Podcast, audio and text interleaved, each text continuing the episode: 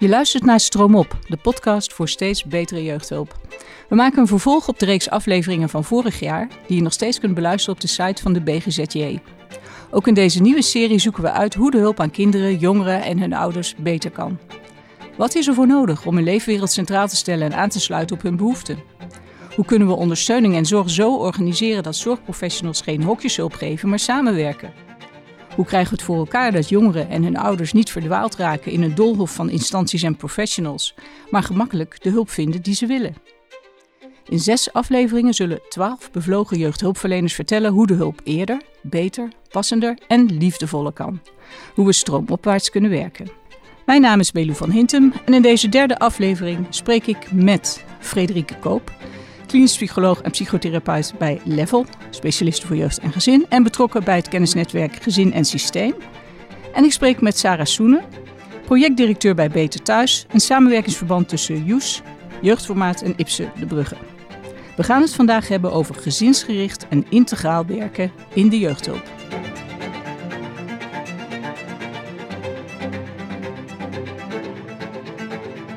Welkom, Frederike en Sarah. Er is een hele mond vol gezinsgericht en uh, integraal werken. Uh, Sarah, ik vraag aan jou. Begin even met jou. Wat verstaan jullie daaronder? Nou, onder gezinsgericht werken verstaan we dat het gezin de cliënt is. Dus daar waar eerder een kind wordt aangemeld, wordt nu het gezin als geheel aangemeld. En daarbij proberen we eigenlijk afgestemde hulpverlening te bieden voor alle gezinsleden. Vaak zien we namelijk dat er een soort patroon ontstaan is in het gezin, wat ertoe leidt dat op een of andere manier het niet goed functioneert en gezinnen bepaalde klachten melden. Dus wij proberen mhm. eigenlijk voor iedereen de goede hulp te bieden. En dan zeg je dat het gezin zich aanmeldt, maar dat zal misschien niet bij, bij elk gezin nodig zijn. Dat het gaat om een specifiek type gezinnen. Ja, klopt. Het zijn echt gezinnen met complexe problemen, waarbij wij samen met de gemeente kijken of Beter Thuis, dat is het project, ehm, de goede hulp kan bieden voor het gezin. Oké. En Frederik, wat is dat integraal werken? Ja, integraal werken is dat je eigenlijk samen ook de analyse maakt. Dus niet verschillende partijen, verschillende instellingen die samenwerken, want dat doen we eigenlijk al langere tijd, maar echt samen een team vormt rondom het gezin. Dus de integratie doe je met elkaar. En je maakt ook echt vooraf een analyse waarop je met elkaar aan het werk gaat. Mm Jij zegt samen. En ik dacht eerlijk gezegd gelijk ook, ook samen met de ouders. Maar die zitten, ja, dat is ook zo. Maar jullie beginnen eerst, denk ik, met elkaar. Of hoe werkt dat? Ja, eigenlijk tweeledig. Want uh, enerzijds heb je als professionals, uh, ja, heb je wel een idee over wat er mogelijk uh, goede zorg zou kunnen zijn. Maar ik denk als je dat zonder het gezin doet, dat je dan eigenlijk een stap overslaat. Het gezin is eigenlijk uh, ons cliënt, wat Sarah net eigenlijk ook zei. En je hebt ook het gezin nodig. Want als je iets vraagt van het gezin, ook in verandering of in behandeling, ja, dan is het ook goed om te kijken: is het haalbaar voor dit gezin? Is het op dit moment ook het juiste moment om dit te gaan doen? En hoe weten jullie dat nou? Want dan zul je eerst bij een gezin moeten gaan kijken, denk ik. Als je dat echt goed wilt weten. Hoe zit het in elkaar? Wat, wat willen we aanpakken? Wat vinden zij het belangrijkste? Wat zien wij als belangrijke dingen? Hoe, hoe doen jullie dat? Nou, dat klopt. Wat wij doen is eigenlijk altijd outreachend een soort kennismaking doen met het gezin. We gaan eigenlijk in het leven van alle dag gaan we kijken samen met het gezin. Want het doel is het gezin meehelpen op weg naar herstel van het gewone gezinsleven. En de visie zegt: we komen kijken, we doen mee.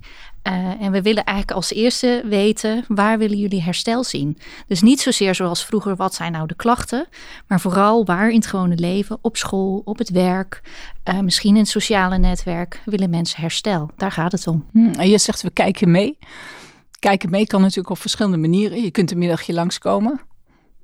Je kunt twee dagen langskomen misschien. Je, we doen mee. Kan, je, kan iemand van jullie iets concreter zeggen hoe, hoe dat eruit ziet, dat meekijken? Ja, ik denk dat je um, inderdaad gewoon ook op huisbezoek gaat. En wat ik denk ik heel mooi vind in, in de integraliteit is dat je ieder behoudt zijn expertise. Dus wat je doet eigenlijk is dat... Uh, twee medewerkers naar het gezin gaan en die brengen het ook weer terug in het team. En samen met een team ga je kijken van hey, wie kan er vanuit zijn expertise meedenken over wat het gezin eigenlijk heeft meegegeven of teruggegeven.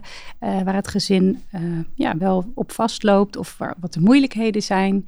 Uh, bij alle gezinsleden. Ik denk dat dat het allerbelangrijkste is. En met alle expertises ga je samen kijken, ja, wat helpt het gezin nu en wie kan daarin wat doen?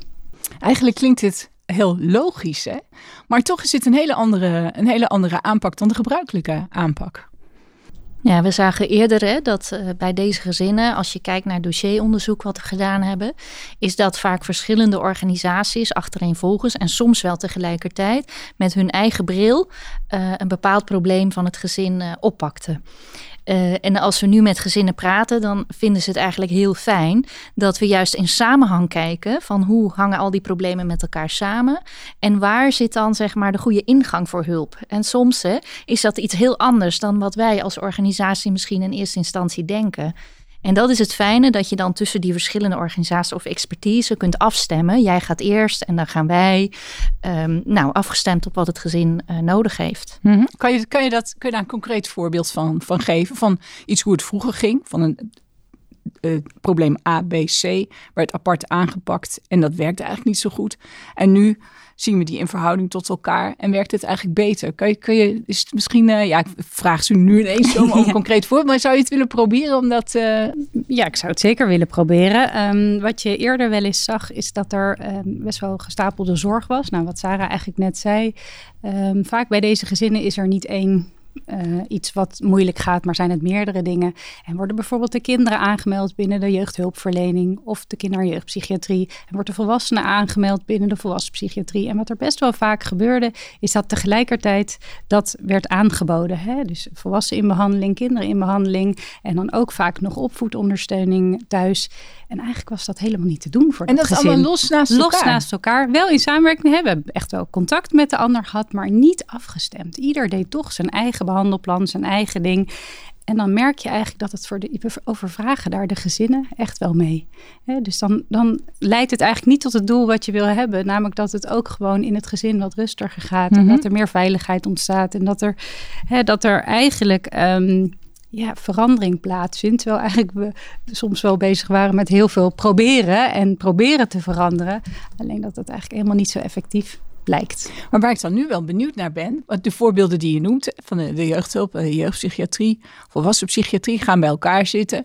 Gaan ze bij elkaar kijken van hoe doe jij het, hoe doe jij het? Ja, maar het is, kijk, de manier waarop ik het doe, die is toch eigenlijk wel beter. Dus als jullie het nou ook allemaal een beetje op mijn manier doen, hebben we ook een integrale aanpak. En hebben we gelijk de beste manier waarop we het kunnen uitvoeren. Waarop die andere twee natuurlijk denken, ja, ja, Amahula, ik weet het beter.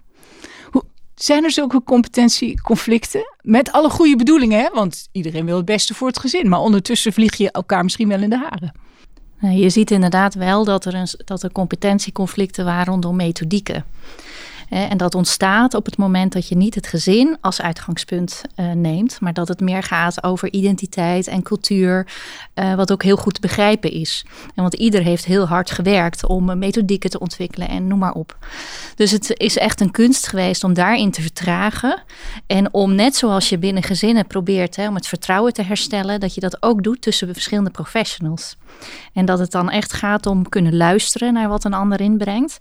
En een soort van de helikopterview kunnen innemen. Een zekere flexibiliteit hebben. Om echt te kijken van ja, wat helpt het gezin nu? En hoe kunnen we elkaar versterken? Ja, dus mm-hmm. wel ieders expertise hoog houden. He, dus ieders expertise is er nog steeds. Het is niet dat je allemaal hetzelfde doet. Ik denk dat dat het mooiste is aan deze samenwerking. Van je hebt verschillende invalshoeken, nou, verschillende methodieken. Uh, maar we hebben één doel en dat is eigenlijk het gezin verder helpen. Samen beter. Hè? Uh, mm-hmm. Maar wel met ieder zijn eigen expertise.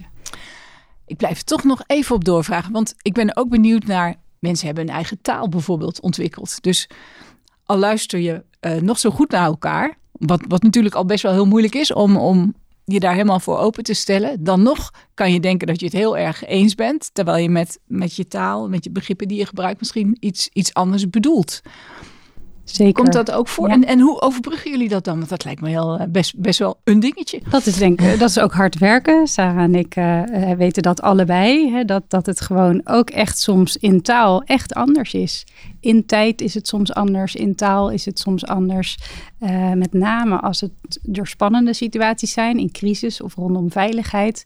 Uh, we hebben veel taaldingen gehad rondom het woord regie. Ja, wie pakt dan de regie? Wie heeft de regie? Um, dat blijft soms nog steeds heel spannend. En wat je zei, we hebben daar taaldingen omheen gehad. Kan je dat iets preciseren? Wat... Nou, regie, de regie, je hebt een regiebehandelaar, die heeft de regie over het mhm. inhoudelijke behandelproces. Uh, maar als het gaat over veiligheid, uh, heb je ook uh, heb je in die integraliteit ook partijen die daar natuurlijk gewoon over gaan. Dus je moet gewoon heel goed blijven samenwerken en nadenken wie pakt dit stuk op deze onveiligheid. En dat vergt heel veel afstemming. Mhm. En dat moet je constant blijven doen. Ja, misschien even aanvullend. Het proces wat wij bij Beter Thuis hebben meegemaakt, is, is inderdaad dat we een beetje uh, wrijving hadden rondom methodiek in het begin. Wij hebben op een gegeven moment een soort overkoepelende visie gemaakt met de teams en de medewerkers, waarin een, een, een overkoepelende taal is, is neergezet. En daarbinnen dan heel goed gekeken wat is nu ieders rol en wat is ieders verantwoordelijkheid. En het creëren van die transparantie en die verduidelijking heeft heel erg geholpen in de samenwerking. Want het is natuurlijk ook niet de bedoeling dat het een eenheidsworst wordt. En daar zijn mensen heel bang voor. Hè? Verlies ik mijn identiteit? Ga de, hè? Want ja, iedereen heeft, heeft wel degelijk iets goeds in te brengen. De vraag is mhm. meer, hoe breng je het met elkaar samen en hoe zorgen we dat die synergie ontstaat? Nou, dus het creëren van die duidelijkheid en rolverdeling, verantwoordelijkheden, heeft echt enorm, enorm geholpen. Want ik kan me ook voorstellen dat uh, zeg maar de verschillende achtergronden ook een rol spelen bij de verschillende doelen die je hebt. Jij, jij formuleerde, Frederik, jij formuleerde net eigenlijk een heel algemeen doel. We mhm. willen dat het beter gaat met het gezin. Nou, dan krijg je met niemand ruzie, denk ik. Hè? Maar als je gaat inzoomen, zullen sommige mensen bepaalde dingen misschien belangrijker vinden om aan te werken of, of met het gezin weer op de rit te krijgen dan anderen. Ja. Dus hoe gaan jullie daarmee om? Nou, ik denk dat prioritering sowieso een heel belangrijk onderwerp is. dat je ook echt wel met elkaar het gesprek aangaat. Wat heeft nu prioriteit? En samen daar wel over in gesprek gaan. En daar zijn best discussies over mogelijk. Het is echt niet zo dat we meteen zeggen, nou dit gaan we doen. Maar met elkaar kijken van, ja, wat heeft nu prioriteit? Wat is de eerste prioriteit en wat komt daarna? Zonder dat we wat er eerder best wel vaak gebeurde, ehm, dat je gewoon alles tegelijkertijd oppakt. dus dat je echt samen met je team kijkt van wat heeft er nu prioriteit. Ik kan me voorstellen dat dat dan ook uh, per gezin wel moet verschillen eigenlijk. Omdat je ook te maken hebt met die achterliggende problemen als bijvoorbeeld armoede, schuld, uh, schuldenproblematiek. Uh, nou ja, al die, die, dingen die met sociale achterstand en, en pech te maken hebben. Dat dat ook een rol speelt met hoe je die prioriteiten stelt, of niet? Zeker. We werken daarom ook heel goed samen met de gemeente om samen met de gemeente ook te kijken uh, en, en ook in Den Haag met de doorbraaklab. Om te kijken van ja, kunnen we het gezin helpen met bijvoorbeeld huisvesting. Hè, of als regels elkaar gaan belemmeren, dat het helemaal niet meer helpend is voor een gezin. Mhm. Dat het doorbraaklab daar een rol in kan hebben. Om eerst te zorgen hè, dat die basis wat beter staat. Voordat wij daarop gaan bouwen met allerlei uh, hulpverlening, zeg maar. Kun je even toelichten, want dat zal niet iedereen weten wat het doorbraaklab is. Nou, doorbraaklab is um, nou, als bijvoorbeeld hè, een gezin uh, heel veel schulden heeft of heel veel huisvestingsproblemen.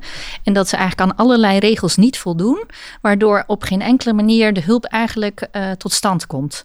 Een doorbraaklab kan eigenlijk die regels doorbreken ten mm behoeve van het gezin. Mm -hmm. Ja.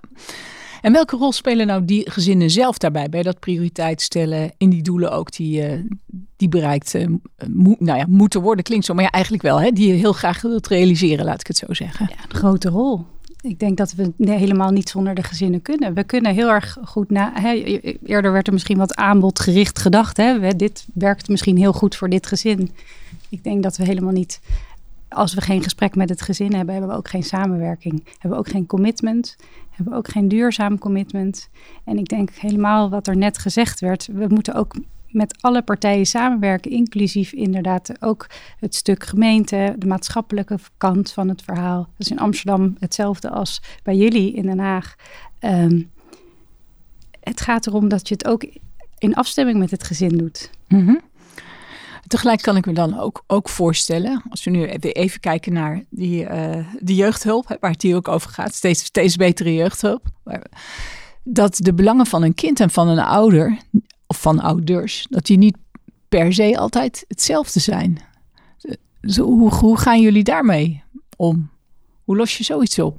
Nou, wat wij proberen te doen, hè, ik zei het al eventjes in het begin, het gezin is de cliënt. Uh, we hebben zo'n mooi begrip in de jeugdhulpverlening, dat heet meervoudige partijdigheid. Mm Is dat je eigenlijk probeert naast elk gezinslid uh, te staan. En dat kan zijn dat je dat met één iemand doet, maar het kan ook zijn dat je zegt: het is nodig om ieder gezinslid een hulpverlener uh, naast zich te laten staan om zijn belang uh, daarin te zien en ook te helpen om, om belangen te kunnen overbruggen. Dus per gezin kijken we wat kan daar dan helpend in zijn. Mm -hmm. En soms kan het inderdaad zijn dat de veiligheid van een kind zo belangrijk is dat dat belang voorgaat. Maar wat we natuurlijk altijd proberen te doen, is om dat samen met ouders te doen. En dat is hartstikke moeilijk, want wij zien heel vaak ouders waar toch ook kwetsbaarheden zijn, zoals psychiatrische problematiek of verslavingsproblematiek. Ja. Uh, en dan is het juist belangrijk en ook heel kwetsbaar voor ouders natuurlijk om daarover in gesprek te komen. En ook het gesprek te kunnen aangaan. Wat doet dat nu met mijn ouderschap?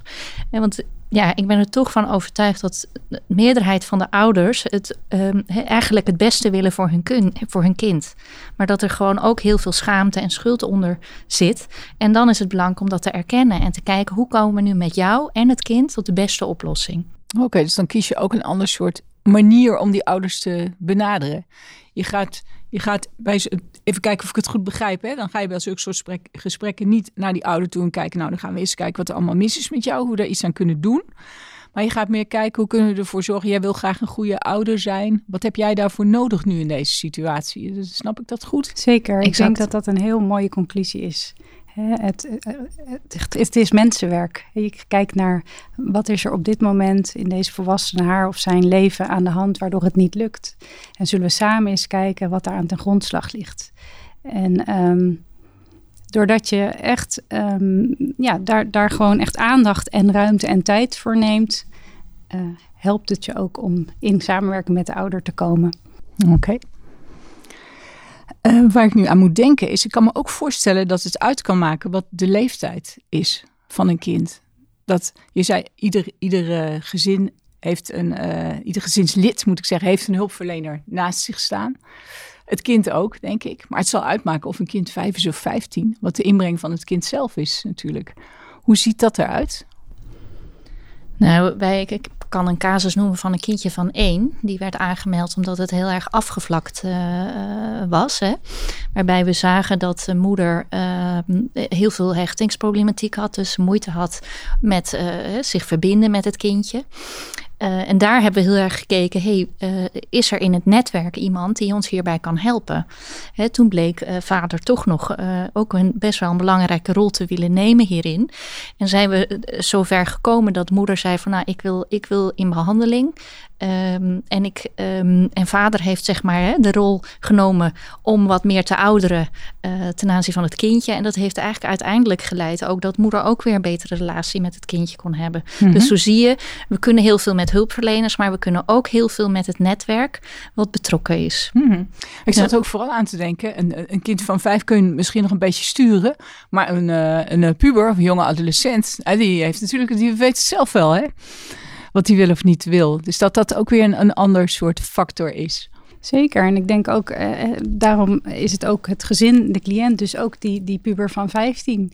Ja, daar ga je ook in, in mee in gesprek en kijken wat is er aan de hand.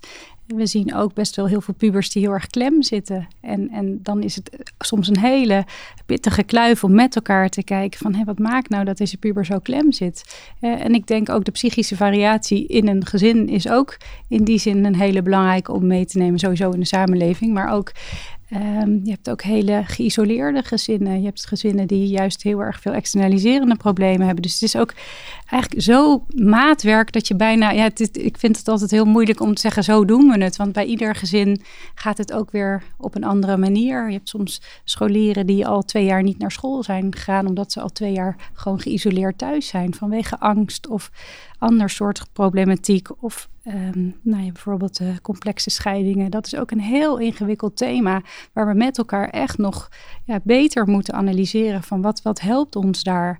En uh, ja, dat is, uh, als het echt gaat om veiligheid en ingrijpen, zijn daar best wel ideeën over. Maar er zijn ook gezinnen die nog redelijk onder de radar blijven, maar waar heel veel ingewikkeldheid binnen het systeem uh, speelt. Mm-hmm. Um, en dan inderdaad, die puberstem heb je dan ook nodig. hè? eigenlijk alle kinderstem heb je nodig, maar, maar ook die van de ouders. En ik denk dat we binnen de jeugdhulpverlening, jeugd GGZ, ja, daar misschien nog beter en daar werkt dus integrale hulp heel erg aan mee. dat we daar beter oog nog voor hebben. Mhm. ja. Het klinkt ook, alles bij elkaar, behalve dat het heel interessant klinkt en als iets wat veel meerwaarde heeft, ook iets wat tijd kost en ook moet kosten. Klopt. Ja. Om het af te stemmen, denk ik dan. Om, om elkaar goed te begrijpen. Ja. Maar je hebt ook tijd met dat gezin nodig. Maar is die tijd er wel? Ja, nou dat is een moeilijk punt. Hè. We hebben een onderzoekje naar welke competenties hebben professionals nodig. En daar hebben die professionals in aangegeven. Het is belangrijk hè, om die helikopterview te kunnen pakken, zowel in een gezin als in die samenwerking. En ook om de tijd te nemen om die gezinsleden te begrijpen, maar ook om je collega's met verschillend specialisme te kunnen begrijpen. En dat allemaal te mhm. kunnen soort van integreren. En als er tijdsdruk is om allerlei redenen, bijvoorbeeld vanwege wachtlijsten omdat er gezinnen staan te wachten. Bijvoorbeeld vanwege dat je uh, maar een bepaalde tijd mag besteden. Ja, precies. Vanuit financiers. Ja. Um, nou ja, dat, dat geeft heel veel druk en dat is echt ook een belemmerende factor volgens professionals in die samenwerking. En hoe gaan jullie daarmee om dan? Nou, kun je dat, want in de praktijk zul je dat toch mhm. iets mee moeten, want je komt er tegen. Ja. tegelijk wil je die, die hulp toch zo goed mogelijk geven natuurlijk. Dat is ook wel een hele in, ook wel een ingewikkelde, aangezien je hebt eigenlijk medewerkers die met heel veel lef, flexibiliteit en compassie hun werken uitvoeren. Mhm. En ehm, wat het lastig maakt, is dat het niet zo duurzaam is. elke keer moet er een nieuw commitment komen en eigenlijk is er geen duurzaam commitment. Je bedoelt vanuit de financiering? Of? Ja, bijvoorbeeld zeker vanuit de financiers. Uh, we, we, zijn toch een maatschappij waarin veel projecten, hè, we zijn toch geneigd om veel projecten op te starten. Er zijn veel verschillende initiatieven. En ik denk wat de gezinnen van ons vragen is een duurzaam commitment uh, op zorg. Want mhm. deze gezinnen hebben, zijn niet binnen een half jaar klaar ook misschien niet binnen een jaar. Het zijn hele ja, uh, wat, wat chronische patronen die intergenerationeel al jarenlang bestaan. Um, waarbij wij echt met teams hard willen werken om daar zeker, uh, um, ja, hoe zou ik dat zeggen, patronen in te doorbreken. Um, maar ik denk ook dat de, de maakbaarheid daarvan, ja, die is soms, het is niet maakbaar. Uh, dus we, hebben, we, we, zijn passanten in een periode mhm. van dit gezin hun leven, proberen het op de rit te krijgen, maar dat gaat niet snel. Mhm. en, uh, je, kunt, je kunt ze natuurlijk niet zomaar loslaten. Maar ik kan, me, ik kan me voorstellen dat jullie wel een soort, uh, ja, hoe moet ik het zeggen, toestand of niveau, of nou ja, laat ik het toch maar op toestand of situatie bereiken. Waarin je denkt, nou oké, dit is uh, misschien wel goed genoeg. En er is wel een achtervang, maar we hoeven er niet meer bovenop te zitten. Maar de mensen kunnen wel altijd terugvallen op bepaalde mensen. Dat dat op, bepaalde hulpverleners. Dat zo, zo, nou ja. Dat je op zo'n manier wel moet werken, ook als je het eigenlijk een beetje meer zou willen geven. Of hoe lossen, jij, hoe lossen jullie dat kan je dat zo oplossen? Of? Ja, we hebben eigenlijk uh, in, bij Beter Thuis twee momenten. We doen eerst die integrale analyse. Als daarna uit blijkt dat eigenlijk het gezin meer gebaat is bij een chronische vorm van begeleiding, dan gaan we eigenlijk dat meteen inzetten. Mm want je kunt allerlei dingen gaan behandelen, maar misschien is dat helemaal niet nodig. Misschien gaat het echt hè, om wat chronischere begeleiding of om begeleiding die op bepaalde momenten, die wat moeilijker zijn voor een gezin, even instapt en daar helpt. En het tweede moment is zeg maar na de behandeling, als we dan toch zeggen van nou, na die integrale analyse is ook een integrale behandeling nodig met verschillende expertises, dan gaan we daarna eigenlijk weer diezelfde vraag stellen. Dan schalen we af naar een wat lichtere vorm van begeleiding. Mhm. Of geven een soort strippenkaart. Hè, dat het gezin oh eh, toch hè, terug kan vallen. In ieder geval gaan we zorgen dat het netwerk er goed in zit. En dat het voor het gezin duidelijk is waarop terug te vallen als nodig. Mhm. En dat ja. jullie ook, en dat jullie ook zoveel vertrouwen bij hun hebben gekweekt, dat ze dat ook doen. Want ja, je kunt natuurlijk ook denken, zo, we zijn blij dat die mensen weer weg zijn. Met al dat betuttelende gedoe en zo. En dan moet dat nou, soms, eh, ik denk eh, dat sommige gezinnen op een gegeven moment ook wel zeggen van, hè, het is goed genoeg. Wij zeggen ook natuurlijk wel, is het goed genoeg. En er zijn ook gezinnen die zeggen, zo vinden we het goed genoeg. Maar dan hoeven, hoeven jullie het niet altijd over, uh, zeg maar, ik kan me voorstellen dat de, ik kan me heel veel voorstellen in dit gesprek geloof ik. Maar goed, ik probeer het ja. Dat de, zowel de hulpverleners als de gezinnen, maar ook de hulpverleners onderling, een verschillend beeld hebben bij wat goed genoeg is. Dat jullie daar ook wel eens discussie over hebben. Er zijn heel veel discussies over. Ja, wat, wat zijn dan in die discussies, als je, als je daaraan uh, terugdenkt, wat zijn dan bijvoorbeeld een paar belangrijke punten waarvan je zegt, ja, hier hebben we echt even met z'n allen over moeten boksen, zal, zal ik maar zeggen, voordat we, dat, uh, voordat we het eens waren. Nou, het gaat ook over verdragen. Het verdragen dat niet alles uh, oplosbaar is. En dat er gewoon een hele grote psychische, uh, psychische variatie is. En ik denk als je daar met elkaar een soort commitment op hebt van hè, uh, nou ja, eigenlijk waar het gezin in vastliep, maatschappelijk of psychisch. Of, als, als dat wat meer tot ontwikkeling is gekomen, of in ieder geval dat dat beter gaat, dat je dan met elkaar daarover in gesprek kunt gaan, is dit goed genoeg? En natuurlijk, uh, de een wil heel graag dat er nog net even iets meer opgelost wordt dan de ander. Uh, ja, je komt daar uiteindelijk wel uit, maar dat, dat mag ook discussie opleveren. Mm. Dat is prima. Ja, ik vraag dat ook, want ik me herinner uit de vorige podcastserie dat iemand ook zei dat er zo'n overleg was bij allerlei mensen die betrokken waren bij een gezin. Dan vroegen ze nou, hoe vinden jullie nou dat het gaat met dit gezin? En uh, de wijkagent die zei, nou ga prima, want uh, ik heb al een half jaar uh, geen meldingen meer gehad. Of ja, ik ga nu even niet met mij, maar goed, hè, ik heb al heel lang geen meldingen meer gehad dat er iets aan de hand is in dat gezin. Dus gaat goed. En toen kwam de pedagogisch medewerker, die zei, nou gaat helemaal niet goed. Is helemaal geen leeftijdsadequaat speelgoed. En de volgende had weer wat anders. En dan denk ik, dan heb je het over zulke verschillende perspectieven op de situatie dat ik denk dat er best wel een heel gesprek voor nodig is geweest uh, om die uh, in, dit, in dit geval dan die wijkagent en die pedagogisch medewerker een beetje op één lijn te krijgen, omdat ze naar hele andere dingen kijken. En ja. ik kan, ik, ik, ja, dat is misschien ook wel zo in jullie hulpverlening. In onze teams kijken we ook allemaal toch met een andere bril ja. naar het gezin. En we doen ieder ons eigen stuk in de integrale samenwerking. Mm -hmm. um, maar soms is het ook hè, de, de medewerkers die thuiskomen, die zeggen, nou ik weet het nog niet zo goed. Terwijl misschien de volwassen psychiater zegt, nou het gaat zo goed met moeder, want hè, het gaat heel goed. Uh, de behandeling slaat goed aan. Dus ik denk ook dat dat juist zo mooi is aan zo'n samenwerking binnen zo'n team, is dat het dus ook heel snel op tafel ligt. Mm -hmm. Het blijft niet zo lang liggen. Ja, dus, en dat, dus, je, ja. Ja, dat je ook vanuit één, één beeld steeds praat. Hè? Ja. Als je die perspectieven maar voortdurend integreert op elk evaluatiemoment, en dan, gaat, hè, dan is het aan het eind ook makkelijker om met elkaar die overeenstemming te hebben wat je daarvan vindt. En als het dus vanuit weer verschillende perspectieven aan het eind weer beoordeeld wordt, dan wordt het lastig. En wat ik altijd heel belangrijk vind, is wat vindt het gezin zelf? Mm-hmm. Heeft het gezin, want wij helpen het gezin op weg. Wij gaan heus niet alles oplossen. Mm-hmm. Uh, maar waar het om gaat, is dat het gezin weer de regie kan nemen over het uh, ja, verder ontwikkelen, herstellen van het gezinsfunctioneren. Dat is eigenlijk het allerbelangrijkste, denk ik.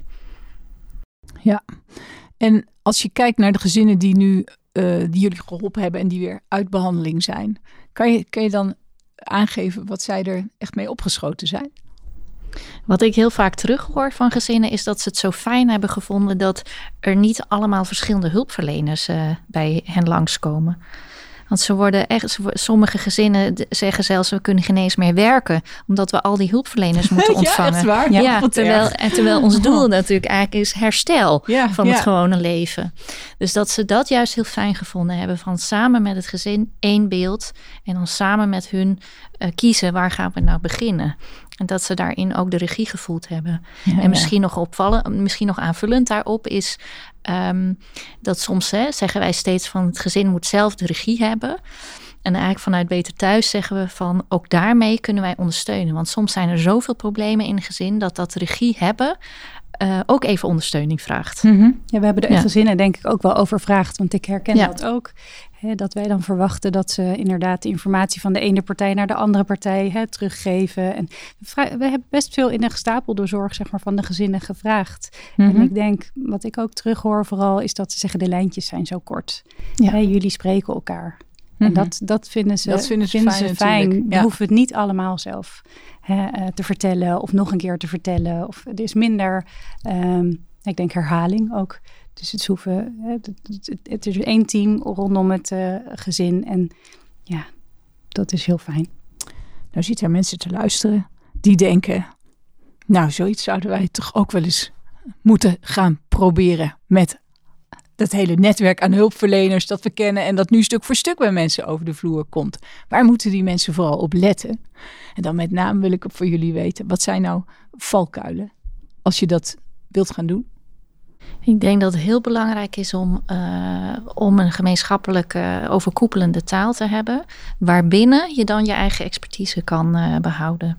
Dus probeer niet uh, elkaars expertise hè, daar een oordeel over te vormen of dat soort zaken, maar echt die even stilstaan en luisteren en daar de tijd voor nemen is ontzettend belangrijk. Mm -hmm. En lukt dat is altijd omdat er tussen hulpverleners ook wel een bepaalde hiërarchie kan zijn. Hè? Ik denk nu even heel traditioneel aan de psychiater die bovenaan staat in, in de GGZ en dan de rest uh, komt er achteraan. Dat het toch een beetje vanzelfsprekend is voor die psychiater zelf misschien en ook voor de anderen dat hij of zij degene is die de klap erop geeft als het erop aankomt. Terwijl ik begrijp uit hoe jullie het vertellen dat dat helemaal niet vanzelfsprekend is. Nou ja, misschien ja en nee. Want soms is dat gewoon ook wat er nodig is. Hè? Dus het, het, mag ook. Het, mag, het verschil is er. Ik denk, ik vond het mooi dat Sarah net zei: het is geen eenheidsworst. Mm Je hebt echt ook je eigen uh, kennis en kunde. En die moet behouden blijven. En het, ja, hiërarchisch, ja, je werkt in een team samen. Dus je, het gaat ook over vertrouwen in elkaar en kijken of je het samen voor het gezin zo goed als mogelijk kan doen. Mm -hmm. uh, maar je hebt wel daarin nog je eigen taken en verantwoordelijkheden. Dus, dus ik denk dat we dat ook, hè, dat is, als mensen dit ook graag willen doen, dat kost ook tijd. Mm -hmm. en, en, wat Sarah net zei, ook tijd om te verbinden en echt te willen samenwerken. Um, maar niet je identiteit te verliezen. En dat is denk ik ook een hele belangrijke. Uh, als ik naar Level kijk, we zijn een organisatie die gefuseerd is met drie organisaties in één. Dus de teams die worden, uh, bestaan uit verschillende uh, expertises. Ja, dat is gewoon even echt wel ingewikkeld geweest. Hoe ga je om met de regie? Wie, wie, wie, wie, wie heeft, geeft waar een klap op? Hè? Mm -hmm. um, maar dat kost tijd. En, um, en ook, denk ik, heel veel commitment met elkaar. Heb ik nog één laatste vraag aan jullie. Zien jullie nou ook een effect op de hulpverleners? Door de gezinnen, hebben we het eerder over gehad. Die zijn blijer met de manier waarop het gaat. Maar de hulpverleners denken die, nou ja, oké, okay, dit is ook een manier. Of zien ze zelf, voelen ze zelf die meerwaarde ervan en, en zorgt dat weer, je, had het, je noemde het woord uh, synergie eerder, Frederike. Mm -hmm. Zie je dat bij je mensen zelf ook gebeuren? Ja, ik zie nu in de, in de teams zoals ze nu zijn bij Beter Thuis heel veel enthousiasme. En ook heel veel plezier in het werk. Je ziet ook dat bijvoorbeeld een behandelaar van een kindje met trauma het zo heerlijk vindt als diegene kan overleggen met een, volwassen, met een behandelaar vanuit de volwassen GGZ, die dan een moeder behandelt die ook hè, een trauma heeft. En dat ze het daarover gezamenlijk kunnen hebben. Maar ik zie ook dat een jeugdzorgwerker het heel fijn vindt als iemand vanuit de volwassen psychiatrie meedenkt over hoe kun je nou het best deze moeder met deze problematiek benaderen over opvoedvraagstukken. En daar waar het dan misschien eerder een lastige moeder of vader was, mm -hmm. is het nu met een, een, moeder met een geschiedenis. En hoe hou je daar dan rekening mee? En ik merk dat professionals dat heel fijn vinden als ze zo samen ook verder komen in de gezinnen. Ja, de mensen krijgen dus ook veel meer een verhaal. Exact. Ja. ja. In plaats van tak, tak, tak. Nou, en ja. ik denk ook dat. Dit zijn de problemen. Het is. Ja.